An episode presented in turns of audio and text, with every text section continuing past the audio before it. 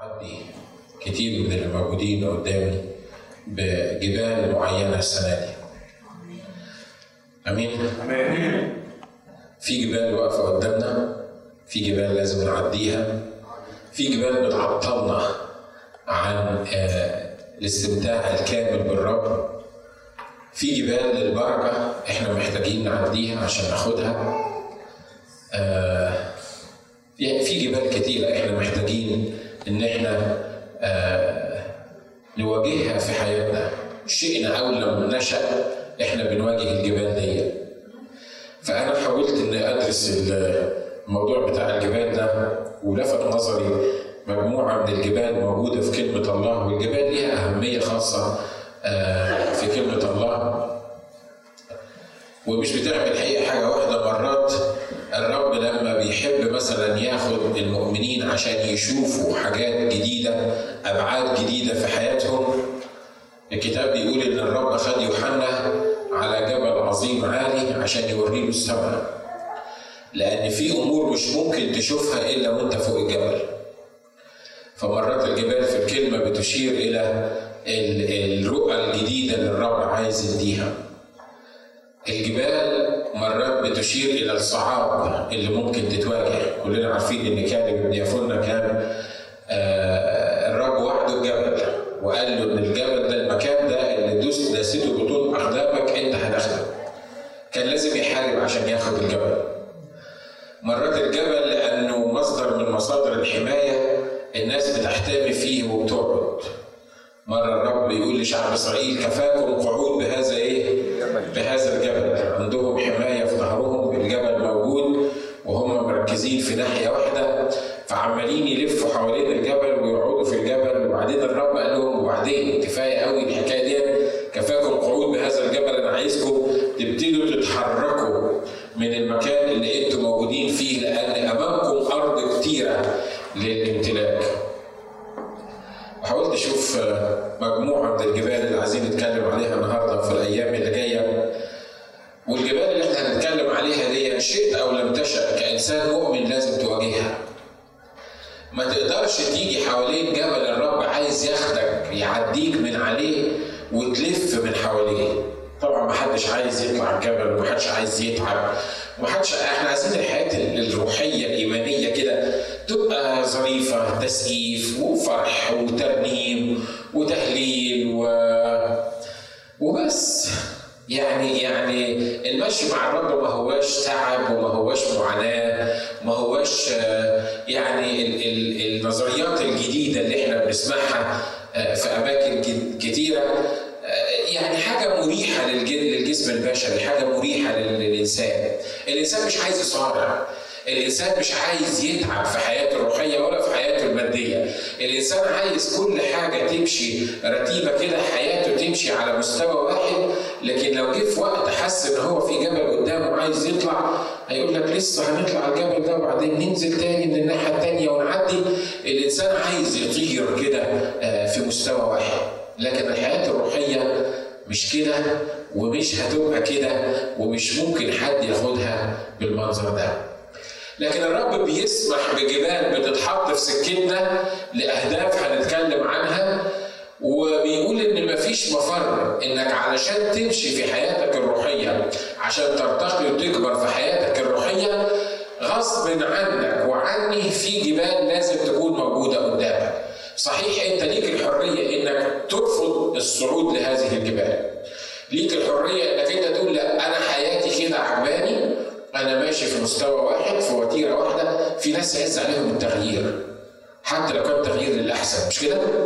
ها؟ عارفين القصة بتاعت تنبل السلطان؟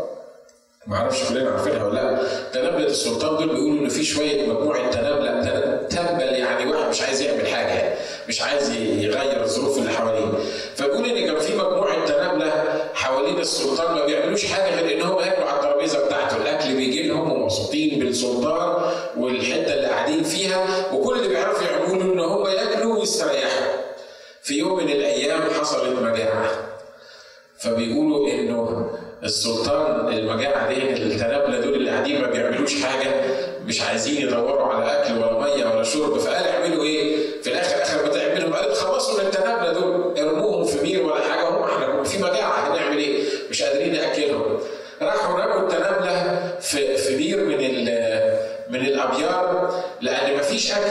بعد ما رموهم ربنا فرج على السلطان وجه الأكل فقال حد يطلع التنابله دول عشان ياكلوا وهم بيطلعوهم بيقولوا إحنا لسه هنطلع من البير عشان نروح ناكل. دي قصة مشهورة. كانوا بيدرسوها لنا وإحنا آه، صغيرين أو كانوا بيعلمونا وإحنا صغيرين. إحنا مرات بنبقى عاملين زي تنابله السلطان دول. مش كده؟ ألو؟ أنا مش قصدي أبتدي يعني إن أنا أضايقكم لكن لكن أنا بتكلم حقيقي وده اللي الرب عايز يفهمه لنا في حياتنا الروحية. الرب ما عندوش تنابله ما عندوش ناس عجبهم الوضع اللي هم قاعدين عليه. عنده ناس بتمشي وراه يمشي على السهول تمشي وراه يمشي على الجبال تمشي وراه. يمشي في الوقت اللي مستريح وكلنا مبسوطين فيه والأمور ماشية معانا تمام it's okay okay. لكن لازم بيجي وقت معين للرب بيمتحن الإنسان وبياخده معاه بيمشيه على مرتفعات. لما يكون الإنسان عايز ينمو في حياته الروحية مش عايز يفضل زي ما هو الرب بياخده من وقت لآخر على بعض المرتفعات ويمشيه على بعض المرتفعات عشان يعلمه إن هو يكبر في حياته الروحية. آمين. آمين. حاولت أشوف الجبال المذكورة في في الكتاب ولقيت أول جبل الحقيقة جبل صعب شوية جبل اسمه جبل المريا وكل إنسان فينا لازم يواجه جبل المريا كلمة المريا كلمة عبرية معناها رؤية. الجبل اللي الله بياخد الإنسان فيه من رؤية معينة أو من مستوى معين بيواجه تحدي كبير ودي لازم تحصل في حياة كل إنسان مؤمن. كل إنسان مؤمن حقيقي عايز يتبع الرب من قلبه لازم يعدي على جبل المريا. اقرأ معايا جبل المريا ده موجود في أصحاح 22 من سفر التكوين كلنا عارفين قصة جبل المريا دي إن الرب وعد إبراهيم. الرب وعده بولد. صحيح طال الزمان صحيح فات 25 سنة على الولد قبل ما جه وفي خلال ال 25 سنة زي ما قلنا مرات كتيرة إن إبراهيم حب يساعد الرب وساره عايزه ولد. فأقنعت إبراهيم إن هو ياخد هاجر العبدة أو الأمة بتاعتها. وقالت له أنت تتجوزها وتجيب منها ولد ويبقى الولد ده ابننا هو اللي هيورثنا. عارفين القصة إن لما هاجر كانت حامل بريجنان وشافت سيدتها مش بتخلف احتقرتها وبعد كده سيدتها اضطهدتها وبعد كده هي مشيت وبعدين الرب قال لها ارجعي وكوني خاضعه تحت إيد سيدتك. وبعدين جابت الولد وملأ إسماعيل البيت بان إبراهيم دلوقتي عنده ولد الحاجة اللي كان محروم منها موجوده وفضل الوضع ده تقريبا 13 سنه أو 12 سنه بعد ما جاب إبراهيم الولد اللي هو اسماعيل والأمور ماشية مع إبراهيم تمام عنده غنى عنده ارض عنده مال عنده ولدان البيت الكتاب بيقول ولدان البيت دول اللي هم العبيد اللي اتولدوا في البيت كان عنده 313 واحد اتولدوا في البيت ما أعرفش اهاليهم كانوا كام فواضح ان الراجل كان عنده بتاع 500 600 عبد وامه موجودين وطبعا انت تقدر تتخيل واحد عنده 600 عبد ولا 700 عبد وامه ده هيبقى شكله إيه؟ هيبقى الجاه بتاعه الفلوس بتاعته المركز بتاعه واضح ان هو كان مستريح صحيح كان بيعبد الرب وكان فرحان بالرب لكن من ساعه ما جاب اسماعيل وهو حاسس ان الأمور ماشيه معاه مظبوطه دلوقتي في واحد خارج من صلبه هيورثه والامور ماشيه معاه تمام التمام. والرب بعد كده قال له لا مش باسماعيل لكن باسحاق يدعى لك إيه؟ يدعى لك نسل. والرب أعطاه إسحاق. طبعا لما جه إسحاق الدنيا حلوت أكتر دلوقتي لأن الولد ما جاش عن طريق إسماعيل وهاجر لكن ده إسحاق دلوقتي جه عن طريق إسماعيل وسارة. فهم الاثنين الجوازة بتاعتهم وطبعا كانت حاجة رائعة جدا. واحد عنده 100 سنة ولسه بيخلف خلف ولد واحدة عندها 90 سنة وعندها بيبي عنده يومين ثلاثة حاجة فاني آه سموه اسحاق عشان هو ابن الضحك والفرح. وابتدى يملى البيت كمان بالفرح أكتر من إسماعيل. وابتدى إسحاق يشوف نفسه وحتى يغلس على إسماعيل. وإسماعيل ده راجل وحشي زي ما قال الكتاب عنه. فكانوا بيلعبوا مع بعض. الدنيا كانت مريحة جدا. إبراهيم كان مبسوط. كان سعيد مش ناقصه حاجة الغنى عنده المال عنده العبيد عنده الولد بقى عنده مراته الست الكبيرة خلفت كل حاجة في حياة إبراهيم كانت رائعه وعظيمة. ومرات الرب بيحطنا في الموقف ده وبيريحنا من كل جانب لكن 12 سنة مروا على إبراهيم وهو في حالة الفرح والانبساط والسلام والغنى. وبعد 12 سنة الرب قرر انه ياخد إبراهيم لليفل أبعد ياخد إبراهيم لمستوى أعظم يبارك إبراهيم يحقق المواعيد اللي الرب اعطاها له. وعايز أقول لكم حاجة في حكاية المواعيد دي. مفيش مواعيد كده بتتحقق في حياتنا وخلاص. يعني ربنا مش قاعد يبشش على الناس كده يحقق في حياتهم مواعيد.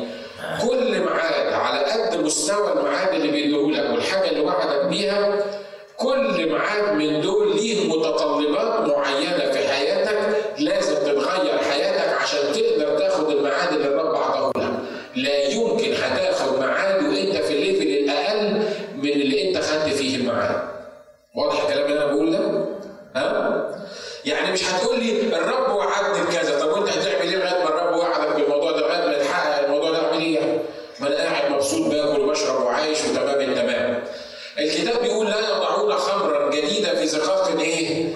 في زقاق عتيقة، علشان يجيبوا خمر جديد لازم يجيبوا زقاق أو القرب دي أو المحتوى ده لازم الزقاق ده يتجدد، ليه؟ لأن لو حطوا خمر جديدة في زقاق عتيقة اللي هيحصل إن الزقاق العتيقة مش هتستحمل الخمر الجديدة هتتشق وهتسكب الإيه؟ الخمر، هيضيع الخمرة وهيضيع كمان الزقاق.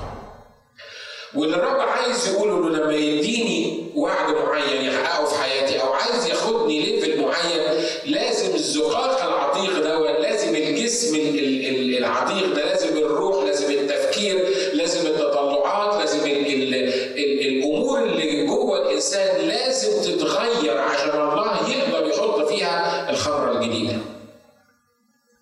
امين؟ امين الرب مش هيقدر يحط خمره جديده في اطفال مش هيقدر يدي معجزات كبيره للاطفال ليه؟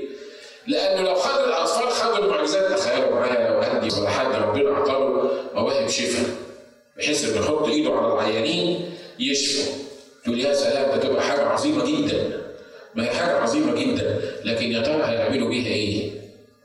يمكن يمكن يلعبوا عليها الفرقه مثلا شوف مين اللي مين اللي هيشتغل في المواهب دلوقتي أو أو اللي بيعملوه في في المواهب ده محدش عارف يعملوا إيه. أنتوا معايا ها؟ ها؟ تقول لي طب هو الرب وعدنا وعدنا بحركة كبيرة وعدنا بوعود رائعه جدا.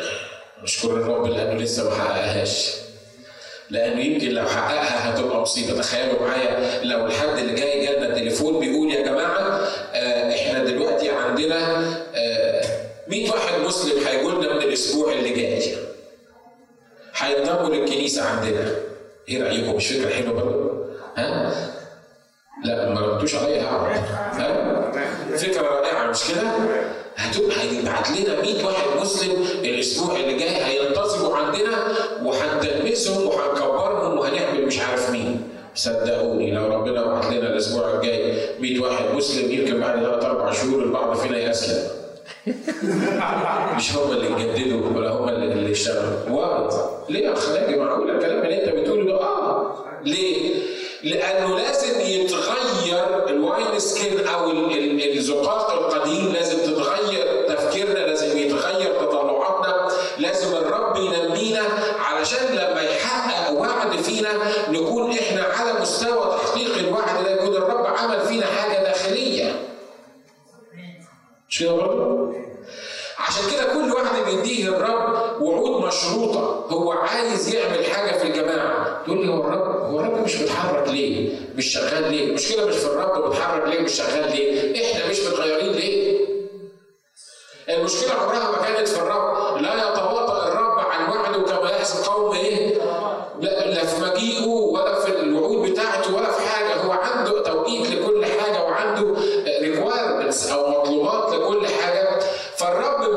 مش إحنا اللي مستنيين الرب. المشكلة إن الرب اللي مستنينا. الرب عايز يدخل شعب إسرائيل لأرض الموعد.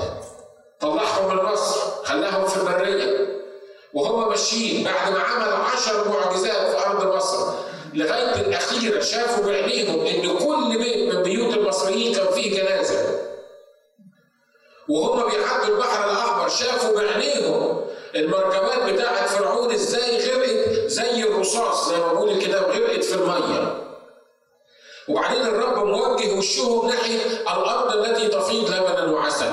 بس طلع جبل كده من من إن مفيش مية. والمية مرة. يعملوا إيه؟ المفروض إن يفكروا يقولوا اللي شق المية يقدر يحل المية. مش كده برضه ولا إيه؟ اللي موجود فرعون ومركباته وجنوده يقدر يخلي المية دي تبقى حلوة. طب بلاش أكل. اللي عمل معجزات مع إليشع وخلاه لما لقى في القدر موت يا الله إنه كان فيه مر وقدر يغير الموت اللي كان موجود في أيام إليشع يقدر يحل المية بتاعة شعب إسرائيل دول. اللي عمل اللي نزل البرد في مصر اللي, ضرب المصريين بالعشر ضربات دي صحيح البرية صعبة وصحيح مفيش مية وصحيح إن هم عطشانين لكن لو هم جم للرب وقالوا له بص أنت طلعتنا يا رب من أرض مصر وإحنا متشكرين جدا إنك أنت طلعتنا من أرض مصر. وإحنا عارفين إن ليك خطة. أنت وعدت يا رب إنك هتاخدنا للأرض التي تفيض لبن وعسل. إحنا يا رب عندنا مشكلة بسيطة دلوقتي. لا يصعب عليك أمر. ليس عند الله مستحيل. ولو بيقولوا له الكلمات يقولوا يا رب ما يصعبش عليك أنت يا رب إنك أنت تسقينا. حتى لو فيهم حد وقال طب إزاي؟ يقول إحنا ما نعرفش إزاي. بس إحنا عارفين إن الرب ممكن يسقينا في البرية. الرب ممكن يرتب مائدة في البرية. إيه رأيك يا رب؟ إحنا النهارده مستنيينك تتحرك لو عملوا كده. كان إيه اللي حصل؟ كان اتحرك مش كده؟ عايز أقول لك هو اني واي بيتحرك. بس في فرق بين إن يتحرك وإنت بتثق فيه وإنت عطيله المكان بتاعه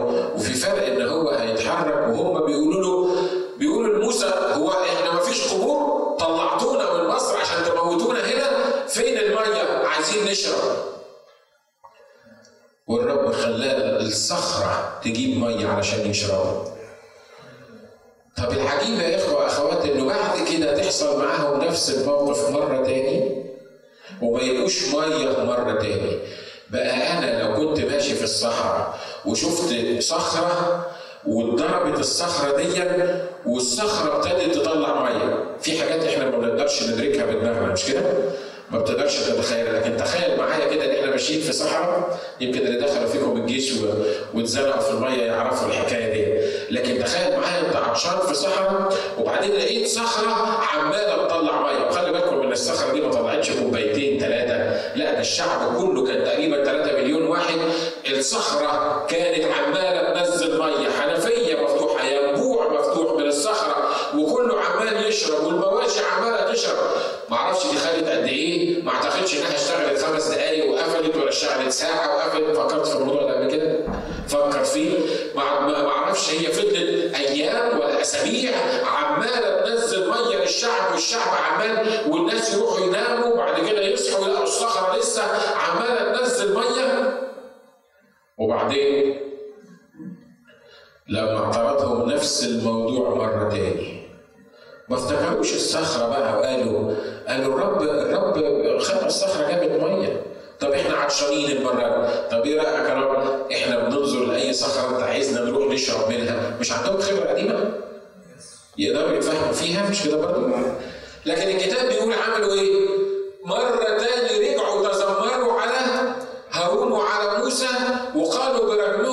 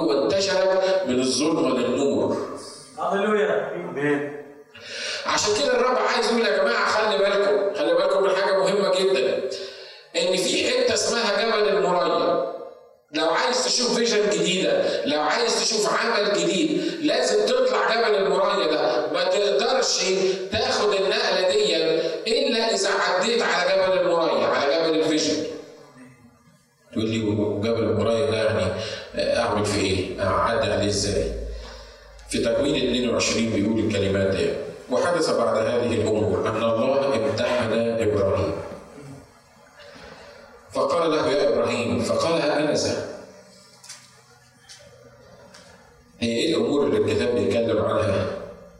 اللي بيقول بعد هذه الأمور إن إبراهيم كان غني وكان عنده حاجات وكان راجل محترم. لما تقرأ في الاصحاح اللي قبل كده أصحاح 21 لما افتقد الرب سارة كما قال وفعل الرب لسارة كما تكلم وجابت ولد و كل القصة دي وحدث بعد هذه الأمور أن الله امتحن إبراهيم فقال له يا إبراهيم فقال أنا فقال خذ ابنك وحيدك الذي تحبه إسحاق. واذهب إلى أرض المريا واصعده هناك محرقة على أحد الجبال الذي أقول لك. فبكر إبراهيم صباحا وشد على حماره وأخذ اثنين من غلمانه معه وإسحاق ابنه وشق حطبا للمحرقة وقام وذهب إلى الموضع الذي قال وفي اليوم السادس رفع إبراهيم عينيه وأبصر الموعد من بعيد. خلي بالك من جبل المريا ده جبل المريا بيتكلم للناس اللي الرب عايز يعمل في حياتهم حاجة جديدة ده الرب عايز يباركهم بحاجة جديدة. تقول لي ليه الرب بيعمل كده في إبراهيم؟ معقولة الرب صاحب العواطف الجياشة الرب الرب الحنون الرب رحيم الرب يطلب من واحد إن هو يذبح ابنه يقدم ابن محرقة. معقولة الله ممكن يبقى بالقسوة دي إنه يدخلني في موقف أو يدخلني في تجربة لدرجة إنه يطلب مني إني أذبح ابني؟ أقدم ابني وحيدي الذي أحبه. الكتاب بيقول الذي قبل فيه المواعيد.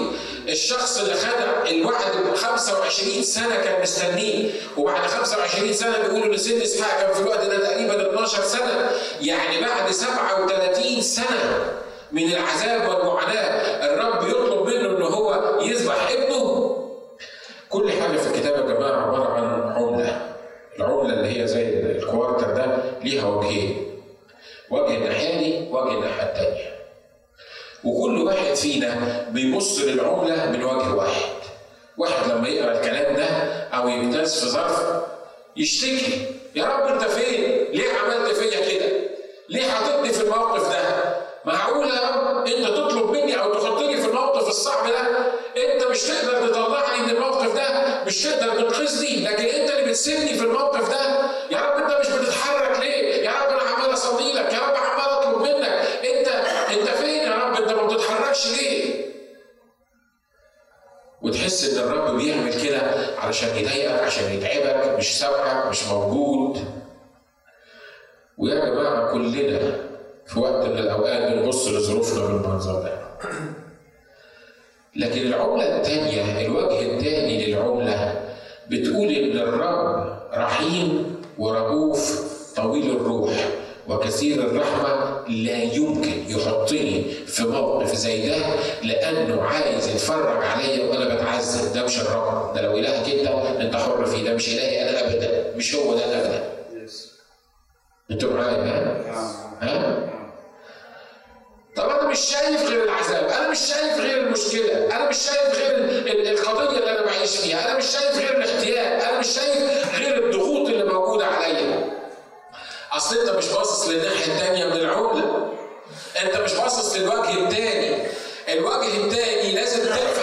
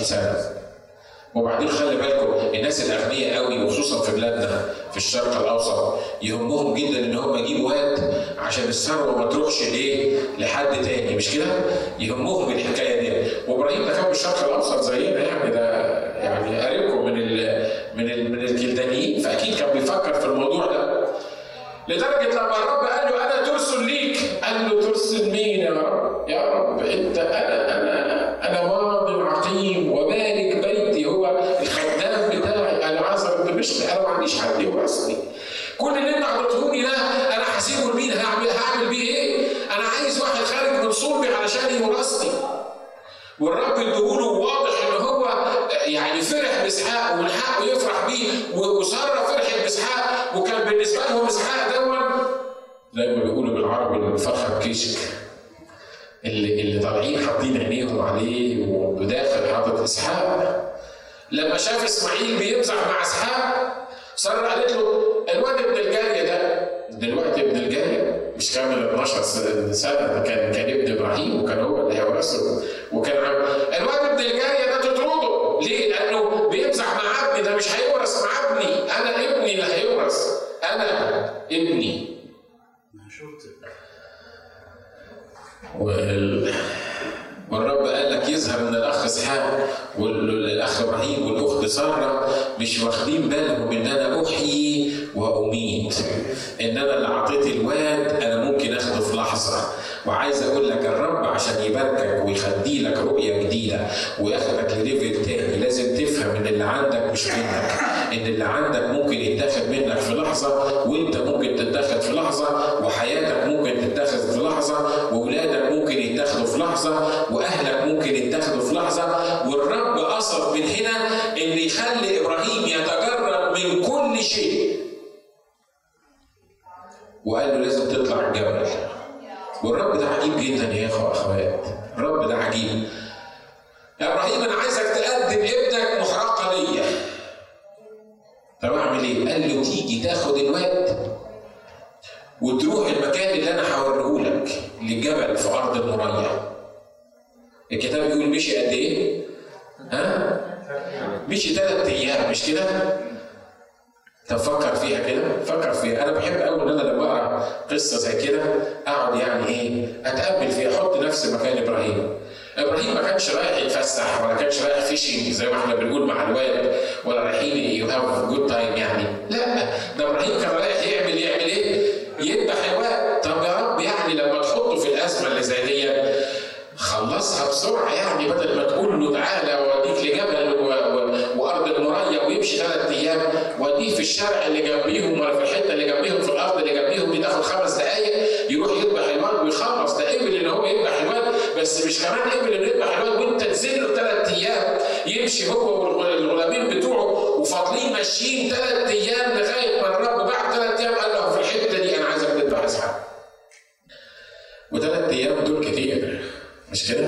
ثلاث أيام دول ثلاث أيام دول كتير قوي كتير قوي على واحد تعبان كتير واحد على على واحد محتاج كتير على واحد مجرد خلي بالكم إحنا مش عارفين الرب كلم إبراهيم يعني كان قبلها بكام يوم كتاب بيقول إن هو فبكر إبراهيم صباحا قبلها بيوم مثلا وبعد كده ثلاث أيام تاني أربع أيام أنا ما أعرفش أنا ما أقدرش أتخيل الموضوع ده بس أربع أيام هو كل اللي بيفكر فيه إن أنا واخد اسحاق وهقدمه محرقه يعني إيه؟ يعني هبني مسبح. يعني أحط إسحاق على المذبح يعني أحط الحطب على إسحاق. يعني أمسك السكين. يعني أذبح إسحاق.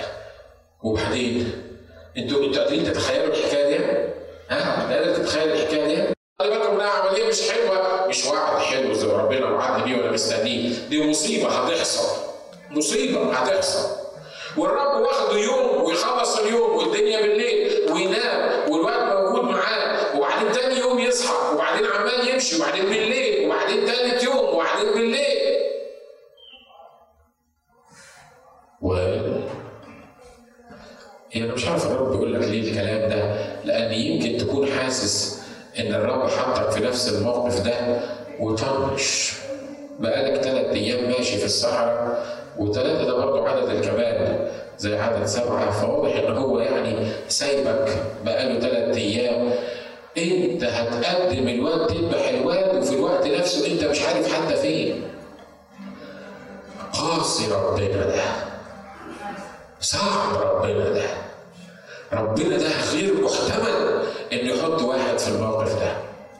لكن عايز أقول لك حاجة على قدر البركة اللي الرب هيديها على قدر ما بيستنى وبيستنى وبيستنى. أنا عارف أنا عارف إن معظمكم إحنا هنقول لك اخ ناجي اخ ناجي إحنا شفعنا وعظ إتهرينا وعظ في الموضوع ده. وأنت عمال توعظ في الموضوع ده السنة اللي فاتت والسنة اللي قبلها وأديني قاعد أهو نفس القصة بلف حوالين نفسي. عايز أقول لك حاجة لو بصيت للعملة إن هو وعظ وإن أنا بريحك وإن هو ده بيحصل well it's up to you لكن لو بصيت من الواجهه الثانية وتأكدت إن الرب بيعمل معاك كده لأنه عايز يباركك ويعليك وياخدك على مرتفعات معينة عشان تقدر تعدي المرتفعات دي برضه it's up to you أنت اللي هتحدد النهارده اللي أنت بتمر فيه شكله إيه. آمين. امين. الجبل جبل المريا ده لقيت أول حاجة الرب عايز يعلمها لنا انه يموت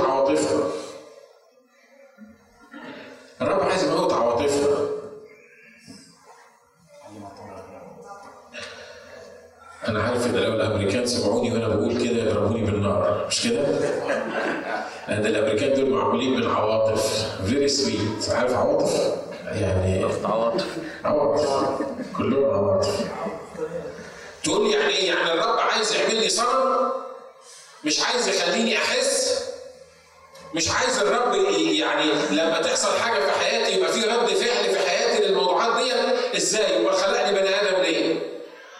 لما هو عايز يموت عواطفي يبقى خلقني بني آدم ليه؟ لا الرب الرب عايز يعلمك حاجة تاني مختلفة عن الموضوع ده. مرة وقف الرب وقال عن صفات التلميذ.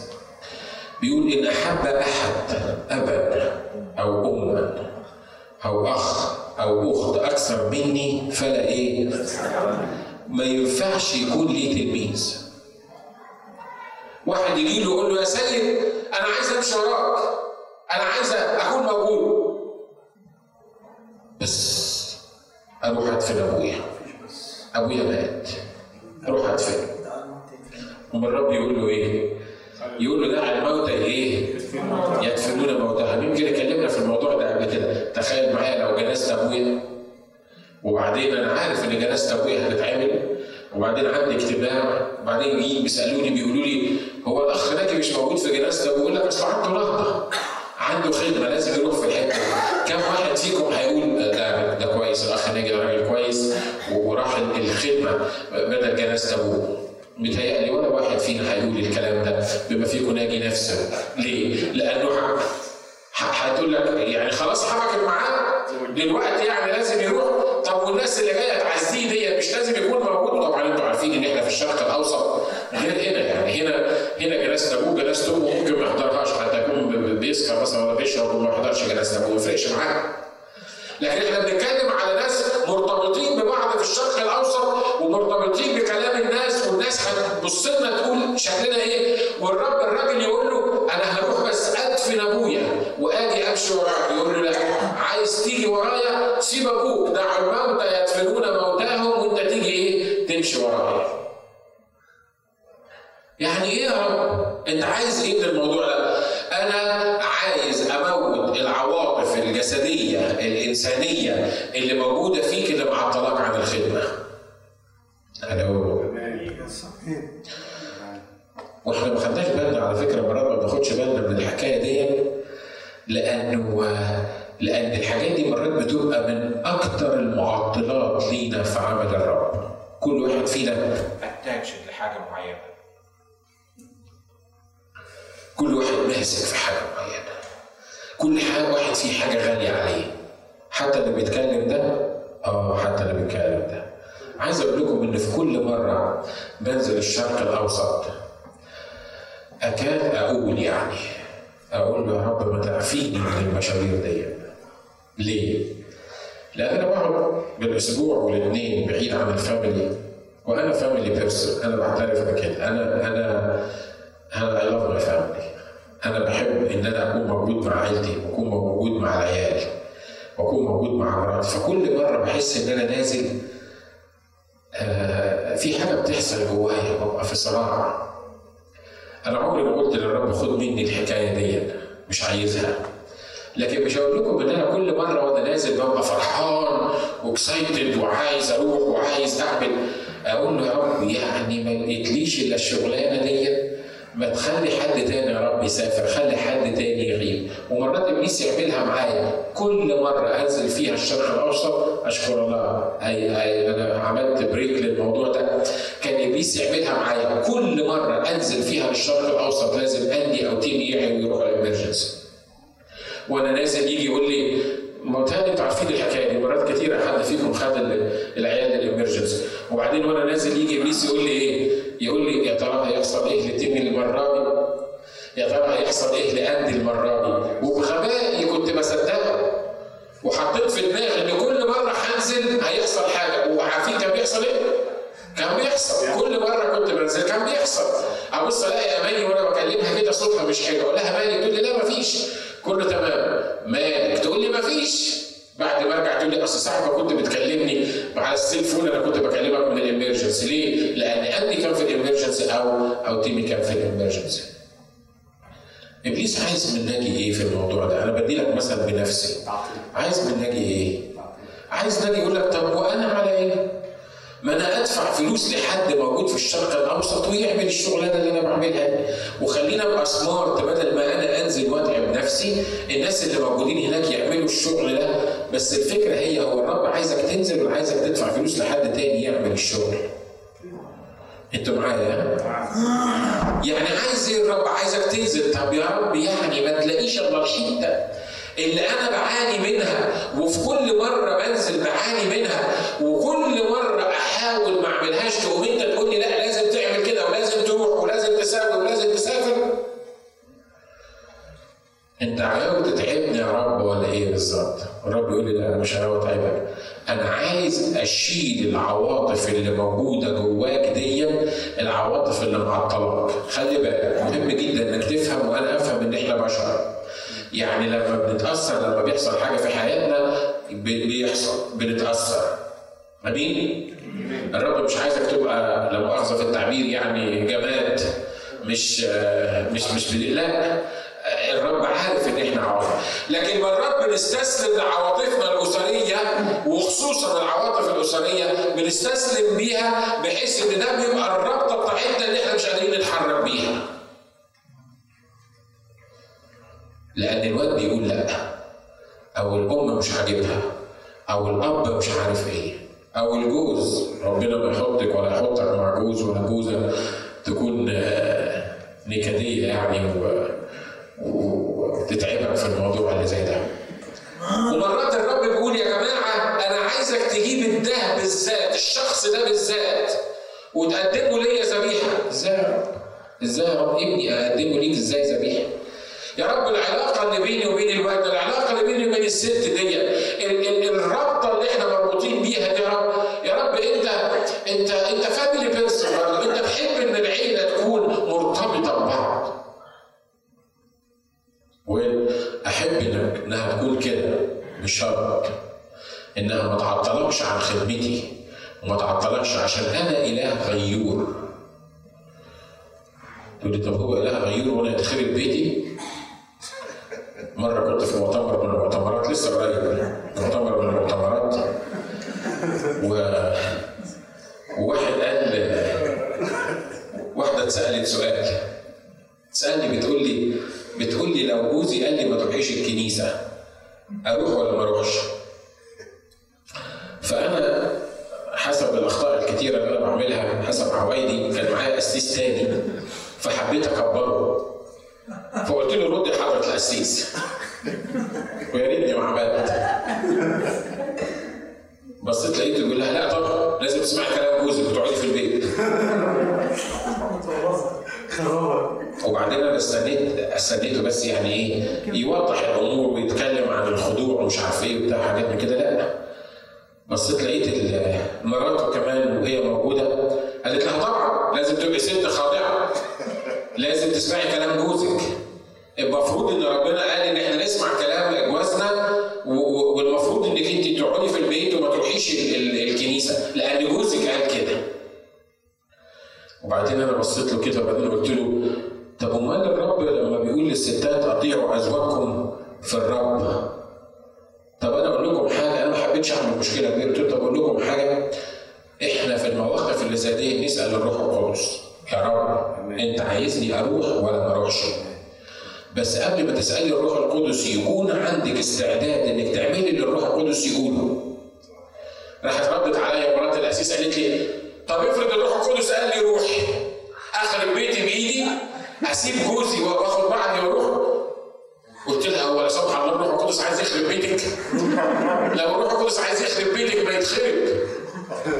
الروح القدس مش بتاع خراب الروح القدس مش بتاع مش مش بتاع طلاق. الروح القدس مش بتاع مصايب اللي بتحصل في البيوت لكن ده بتحصل يا إما بغبائنا يا إما بتحصل بسبب الغباء بتاع الطرف الثاني اللي موجود معاه والكتاب قال في الحالة دي لو كان غير المؤمن عايز يفارق فليفارق. يا جماعة اللي أنا بقوله ده مهم.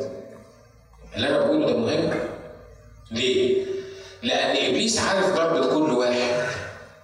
ويهمه إن أنا أمشي بالمنطق. الست بقول لكم مرات القسيس دي كانت هتتجنن. تقول لي إزاي أسمع كلام الروح القدس؟ أقول لها انت هتجننيني وكنا قدام الناس بنتناقش دي ست هتجننيني هو أنا قلت اسمعي كلام جوزك ولا ما تسمعيش كلام جوزك؟ أنا قلت لك عندي جوزك. أنا قلت لك روحي اعملي مشكلة مع جوزك. أنا كل اللي طالبه منك إن انت تسمعي كلام الروح القدس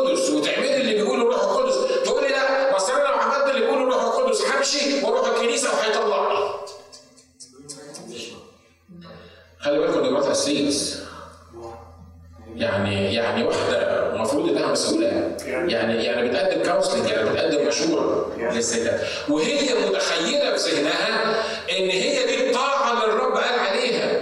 إنه ما دام الراجل قال ما تروحيش الكنيسة يبقى ما تروحيش الكنيسة. طب ما هو الراجل راكبه عفاريت بدليل إنه بيقول لك ما تروحيش الكنيسة. راكبه شياطين لأنه لو مش راكبه شياطين مش هيقول لك ما تروحيش الكنيسة. ولو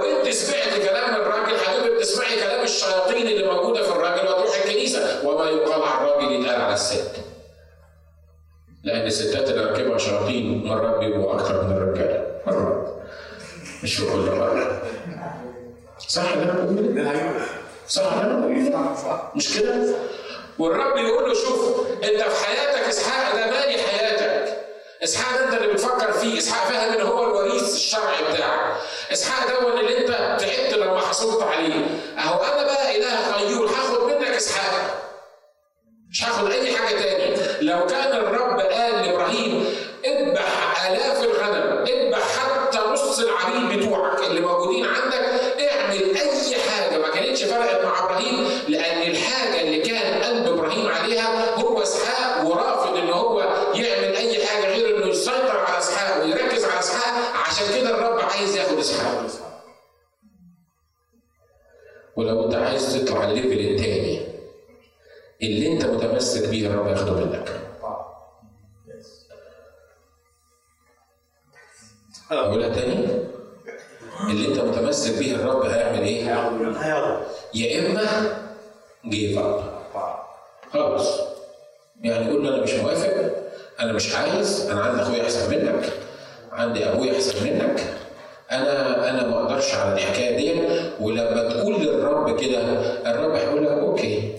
خليك في ال level اللي انت موجود فيه وخليك لف حوالين نفسك سنة ورا سنة ورا سنة ورا سنة ورا سنة ورا سنة وفي الآخر تمر السنين وتبص ورا وتكتشف إنك ما عملتش حاجة، ليه؟ لأنك رفضت إنك تعدي على جبل الرؤية على جبل المريا. الرب عايز ياخد ناس فينا السنة دي للمنطقة دي للاريا دي خلي بالك افهمني صح مش بقول لك روح اعمل خناقة مع مراتك ولا روح لها شوف القسيس قال إحنا يعني إيه العواطف دي ماتت مفيش بيننا وبين بعض أي حاجة. أنا أعمل اللي أنا عايزه وأنت تعملي اللي أنت عايزاه ولا تروح تقول لاخوك ولا لأختك ولا الناس اللي موجودين. أنا ما بتكلمش على كده. أنا ما بتكلمش على كده. لكن الرب يا جماعة علشان يقدر يحقق عشان يقدر ياخدنا الليفل تاني الحتة دي لازم تموت فينا. الحتة دي لازم تموت فينا الرب بيقول من أحب أبا أو اما أكثر مني فلا إيه؟ فلا يستحقني ما ما ما أقدرش أتعامل معاه. ما أقدرش أعيش معاه. ما أقدرش أقبله. ما أقدرش. ما أقدرش أتعامل معاه على هذا الأساس. إن أراد أحد أن يكون تلميذي يعمل إيه؟ ينكر نفسه ويأتي ورايا ويحمل صليبه ويمشي يتبعني مطرح ما أنا أروح هو يروح. طب ده انت أنت بتروح حتت عجيبة ما حدش يقدر يروحها. ده أنت بتاخدني من بيتنا توديني السجن. ده انت ده انت بتوريني حلم وتقول لي القمر والشمس واحد عشر كوكبا هيسجدوا ليك وبعدين ألاقي نفسي عبد في بيت فوطيفار وبعدين لما أحترمك تروح مدخلني السجن وكمان لما اوصي الراجل رئيس السقاة دون إن هو يذكرني عند الملك تخلي الراجل ينساه وبقالي 13 سنة عبد مسجون. همشي وراك إزاي ده؟ طب أنا مشيت وراك اتخربت ضعت. تفتكروا يوسف كان ممكن يطلع من حضن يعقوب يبقى رئيس وزراء مصر؟ مش ممكن. ليه؟ لأن رئيس وزراء مصر لازم يبقى راجل محترم عنده خبرة. مش كده ولا إيه؟ من ضمن الخبرات اللي لازم ياخدها إنه يعيش مع المجرمين بتوع السجن. صح؟ الرب ساب ريتشارد ويلبراند بتاع العذاب الأحمر ده اللي كتب كتاب العذاب الأحمر سابه 14 سنة في السجن. على رأي واحد من المتنصرين المصريين بيقول لي لما دخلت السجن حطوني في أوضة صغيرة كده كلها عنكبوت وكلها حشرات. بيقول أنا بقى أول حاجة عملتها افتكرت أن الكنيسة كانت تصير منها صلاة بلجاجة والرب بعت الملاك بتاعه وضرب بطرس في جنبه وراح مقومه وفتح الأبواب بتاع السجن قال لك هو أنا يعني يعني أنا أقل من بطرس؟ ما هو أنا كمان مسجون وأنا غصب عني قال لي قعدت مستني الملاك بتاع ثلاث أيام أربع أيام طنش الملاك ما جاش طبعا إحنا بنضحك دلوقتي إحنا قاعدين على الكراسي لكن لما زنزانه مش قادر تقف لأن انت مزنوق فيها وفي إيدك عنكبوت وحشرات مش قادر تحرك إيدك وفي ضلمة دامسة لمدة ثلاث أيام بعد ما اتضربت علقة محترمة. ساعتها أنت حت يعني هتتوسل حتى لو كان ممكن تتوسل لهذا الملاك انه يجي بأي شكل من الأشكال كنت هتعمل كده. لكن بيقول بعد ثلاث أيام وأنا قاعد مستني الملاك الرب كلمني قال لي الملاك مش جاي. الملاك مش هيجي. لأن انت لازم تكون موجود هنا لفترة معينة وبعد كده أنا هعرف استخدمك إزاي لما تطلع. ده اسمه جبل إيه ده؟ اسمه جبل المريح جبل خد ابنك وحيدك اللي بتحبه وقدمه ذبيحة. خد أخوك وحيدك اللي بتحبه وقدمه ذبيحة. خد أختك وحيدك ولا وحيدتك اللي بتحبها وقدمها ذبيحة. خد أبوك اللي بتحبه وقدمه ذبيحة. اوعى مش تتخلص من أخوك ولا تتخلص من أختك. قال لك القسيس قال كده. ولا I'm serious يا جماعة أنا I'm serious في اللي أنا بقوله يا جماعة الرب عايز ياخدنا ال level تاني. عايز ياخدنا ال level تاني. تفتكروا بعد إسحاق ما قدم بعد إبراهيم ما قدم إسحاق ذبيحة كان في حاجة غالية عند إبراهيم بعد كده؟ ها؟ خلصت مش كده؟ الكتاب بيقول قدم وحيده صاحب المواعيد قدم كل ما عنده وآخر حاجة أقولها لك في الحتة دي إن الرب الجبل ده اللي إحنا بنتكلم عنه هو جبل عطاء لأن الرب كان بيطلب من إبراهيم إنه يدي ومش بيدي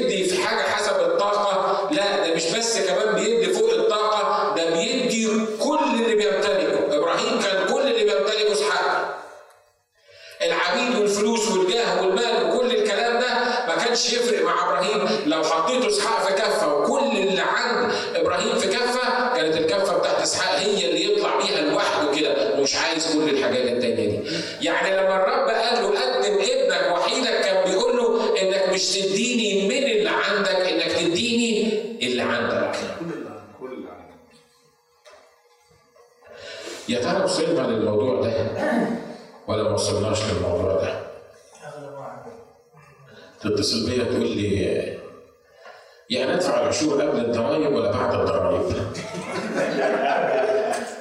طب مش عارف أدفع مش عارف إيه ولا ولا ولا أدفع إيه؟ طب هو هو حرام ولا حلال؟ عارف لما بتسألني السؤال ده هو طبعا إحنا كلنا في الموازين اللي فوق يعني بس لما بتسألني السؤال ده بقول آه الزبون ده ما اداش نفسه اولا للرب ليه؟ لأنه لو عطى نفسه للرب مش فكرة بقى قبل الضرايب ولا بعد الضرايب ولا بعد ما اصرف عليها. على رأي حد قال لي ما هو شوف أنا آخد المرتب أدفع الإيجار وأدفع الضرايب بتاعته وأدفع مصاريف الولاد. قلت له يفضل لك إيه؟ ده أنت عايز تشحت من ربنا بعد كده عشان مش تدفع العشور من الباقي ده أنت هتشحت من ربنا عشان تكمل باقي الشهر. مش كده؟ يقول لك طب طب ما هو ده شيء ال logic المنطقي. يعني عايزني أنا الشيك اللي يجيني ده أطلع 10% منه طب الشيك اللي بيجيني ده مش مكفيني أطلع 10% منه إزاي؟ أصل المناقشات دي اللي أنت بتقولها بتدل على إنك أنت ما عدتش على جبل المريا. أنت لو عديت على جبل المريا مش هتتناقش في الموضوع ده لو قدمت اسحاق مش هتتناقش في هتدفع كام ولا هتسوي إيه ولا هتروح المشوار ده ولا مش هتروحه أصلك أنت قدمت كل اللي عندك عشان كده مفيش حاجة تاني عرفت ليه الرب بيصر على إن إحنا نروح جبل المريا لأن الرب مش عايز من اللي عندي. الرب عايزني أنا واللي عندي. أمين؟ وبعدين تقول لي هو ربنا ما بيستخدمنيش ليه؟ اسأل نفسك. ربنا ما بيستخدمكش ليه؟ عارف ربنا ما بيستخدمكش ليه؟ لأن ستيل اللي عندك بغالي عليك. اللي عندك مش قادر إنت تضحي بيه. يقول لك تحويشة العمر تحويشة العمر نضيعها هما التلاميذ بتوع الكنيسة الأولى دول كانوا هبل ولا إيه؟ يعني لما يروحوا يبيعوا البيت ويجيبوا الفلوس بتاعته يحطوها عند أقدام الرسل كانوا هبل دول ولا كانوا كانوا بيفكروا ولا ما كانوش بيفكروا يا أخي؟ كانوا بيفكروا كان في مخ زي ده؟ ها؟ كانوا بيحسبوا الأمور بتاعتهم إزاي يدفعوا وإزاي ما يدفعوش ولا كانت مجرد حماسة لا اللي خدوا الحماسة وعمل كده نشكر الله ربنا قصف عمره على طول هو ومراته. لأن الحماسة خدتهم وبعد كده اضطروا يسرقوا من البيت. لكن تخيل معايا واحد عايش في بيت في بيتهم يقوم يبيع البيت دون ويروح حاطط الثمن بتاعه عند أرجل الرسل. ويقول لهم خدوا ادوا الإخوة المحتاجين. ولا عجب ان مش بيحصل معانا زي الكنيسة الأولى. ليه؟ لأن لما يحصل معانا زي الكنيسة الأولى لازم نكون بنتصرف زي الكنيسة الأولى. مش كده؟ لازم نكون عدينا على الجبل بتاع المرايه آخر حاجة أقولها لك أنت حر. ربنا مش هياخدك غصب عنك ويقول لك شوف لازم تطلع غصب عنك على جبل المرايه نو دي مش طريقته مش هيعمل كده. هو بيقول لك لو أنت عايز أباركك وأجعلك بركة مفيش مفر من إنك تطلع على جبل المريا.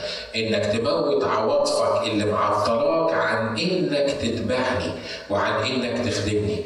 إنك تعرف إن أنا مش عايز مين اللي عندك أنا عايزك أنت واللي عندك. وخلي بالك من حاجة لما الرب يقول لك عايزك أنت واللي عندك لو انت سمارت كفاية وعارف الكلام الكتابي تبقى فاهم انك هتطلع بإسحاق هتنزل بإسحاق وبركة لا توسع بعد كده لأن الرب ما هوش محتاج اللي عندك للرب الأرض وملؤها المسكونة والساكنون إيه؟ والساكنون فيها، عشان كده لما الرب بيبقى عايز ياخد كل اللي عندك هو شغله الرب كلها انه يفصل قلبك إنك تضع قلبك على الحاجة اللي موجودة عندك وعايز يفهمك إنك لما تنزل على الجبل مش هتنزل بس باسحاق. إبراهيم طلع من الجبل باسحاق وبالحطب وبالسكين لكن نزل من الجبل بسبع وعود سبع بركات الرب أعطاها له منها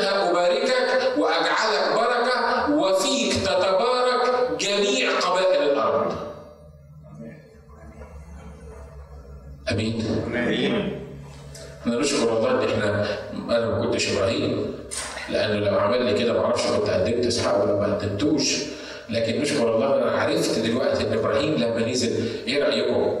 إبراهيم لما نزل من على الجبل كان فرحان إن إسحاق معاه مش كده؟ نعم ها؟ كان فرحان كان ما خسرش حاجة لكن خلي بالكم وأكد لكم إن إبراهيم ما نزلش بس فرحان بإسحاق اللي نزل معاه لكن نزل فرحان إن الرب اتكلم معاه على الجبل ونزل فرحان إن الإله العظيم قابله فوق وعطاله الوعود دي وقال له الآن علمت أنك لم تمسك ابنك وحيدك عنك عني عشان كده أباركك وأجعلك بركة وفيك تتبارك جميع قبائل الأرض وهديلك ونسلك هيبقى زي رمل يديله سبع وعود كل وعد فيهم أعظم من التاني. عشان كده عايز أقول لك لو الرب عايز ياخدك على جبل المريا please do اطلع. اطلع مع الرب صعب آه. صعب. السكة صعبة؟ آه،. آه. الأسئلة بتاعت الواد كانت صعبة. تخيلوا معايا الواد لما بيسأل أبوه بيقول له ادي الحطب وادي السكين. وفين المحرقة إحنا بنقراها في الكتاب يعني تقول لك وما اجاب هو إبراهيم وقال الرب يرى له محرقة لكن عمرك ما بتفكر في, في, في نفسية إبراهيم في داخل إبراهيم وهو الواد بيسأله بيقول له بابا فين المحرقة؟ أنت هتقدم مين ذبيحة؟ هتقدم إيه ذبيحة؟ إحنا نسينا نجيب ال- ال- ال- المحرقة واضح إن إبراهيم ما قدرش يقول لإسحاق تعالى عشان أقدمها مش كده ولا إيه؟ ها؟ وهو في البيت في الخيمة قال له تعالى عشان تعالى اسحاق معايا يا حبيبي عشان أنا عايز أذبحك فوق عند ربنا في الجبل عمل كده؟ ما عملش كده وواضح إن هو لغايه آخر لحظة إسحاق بيستغرب أنت هو فين المحرقه؟ فين فين اللي هنقدمه؟ فين الكبش؟ قادر تتخيل اللحظة اللي إبراهيم بيقول فيها لإسحاق إسحاق عايز أقول لك حاجة أنت الكبش إنت المحرقه بيكلم طفل عنده 12 سنة I can't believe it. أنا مش عارف إزاي تقدر تفكر في الموضوع ده. لكن تقدر تقدر يعني تفهم الأب بيبص في عينين ابنه وبيقول له أنت اللي هتذبح. عشان كده برضه المؤمنين أنا مش عارف أقول لك إيه بس الرب قال لي لازم أضحك. هو ده المستوى اللي الرب عايزنا نعيش فيه. متحيرين في حاجات ملهاش حل في حياتنا في حاجات تجنن تعفرت تخلي الواحد مش عارف يقول إيه لكن الرب مرات بيبقى عايزني أبص في عين الطفل أو 12 سنة وأقول له أنت المحرقه أنا لازم أخلص منك أنت. لازم أقدمك أنت. المستوى اللي أنا بتكلم عليه ده يا جماعة it's available لكل واحد. الرب عايز يعمل كده معانا. وعلى قدر البركة اللي الرب عايزك تتبارك بيها على قدر الاعداد والاستعداد والحاجة اللي الرب عايزك تواجهها في حياتك. إيه اللي خلى إبراهيم عمل كده؟ عارفين كل جبل المرايه قصة جبل المرايه كانت مبنية على كلمة واحدة بس. الإيمان. كتاب بيقول بالإيمان قدم إبراهيم وحيده الذي قبل فيه المعيد وهو إيه؟ وهو مورب. لكن في حاجة خلي بالكم إبراهيم بالإيمان اللي الرب أعطاه له كان يعلم أن الله قادر أن يقيم من الأموات. عشان كده إيمان إبراهيم كان بيقول أنا مش عارف الرب بيعمل معايا كده ليه؟ أنا مش عارف الرب وخلي بالكم دي ما كانتش تمثيلية. أنا مش عارف الرب حطني في الظرف ده ليه؟ أنا مش عارف الرب سايبني أنا اوجه الوجه وأقول له إنت الذبيحة. أنا مش عارف الرب مستني عليا لغاية آه، إزاي بس؟ يعني لما إبراهيم يتربط والسكينة دلوقتي مرفوعة علشان تنزل على رقبته دي ما كانتش تمثيلية لكن كانت حقيقة. بس حتى وهو رافع السكين جواه إيمان بيقول مش ممكن إن الرب هيخليني أذبح الواد. حتى لو ذبحت الواد أنا متأكد إن الرب هيقيم الواد ده من الموت. حتى لو أنا اتخليت عن اللي جوايا ده أنا متأكد إن الرب هيرجعه مرة تاني. وده الإيمان. تمام ولما عمل كده قبل السكينة ما تلمس الولد قال له حاجة تاني حتى لو السكينة كانت لمست الولد. وحتى لو رقبة الولد اتقطعت ومرات الرب بيبقى عايزك تقطع الرقبة تماما. الرب قادر إن هو يقيم من الاموات ويحيي الوعود القديمة ويحل الأمور اللي إحنا بنصلي عشانها ويدي قوة عشان ننفذ اللي الرب عايز يعمله في حياتنا. لكن مفيش مفر من المرور بجبل المريح وانت النهارده المسؤول. يا إما تقول له أنا رب عايز أمر بالجبل ده وأنا موافق على الموضوع ده يا إما تقول له أنا مش قده وأنا مش هعمله وأنا مش بثق فيك. خلي الرب يسيبك مكانك في المكان اللي أنت موجود فيه. خلينا إحنا نرقصنا مع بعض النهارده. وواضح إن الرب اتكلم البعض. والرب عايز يكلمك في أمور معينة يمكن تكون معطلاك عن حياتك الروحية وعن مسيرك مع الرب. الرب النهارده بينتظر انك تتجاوب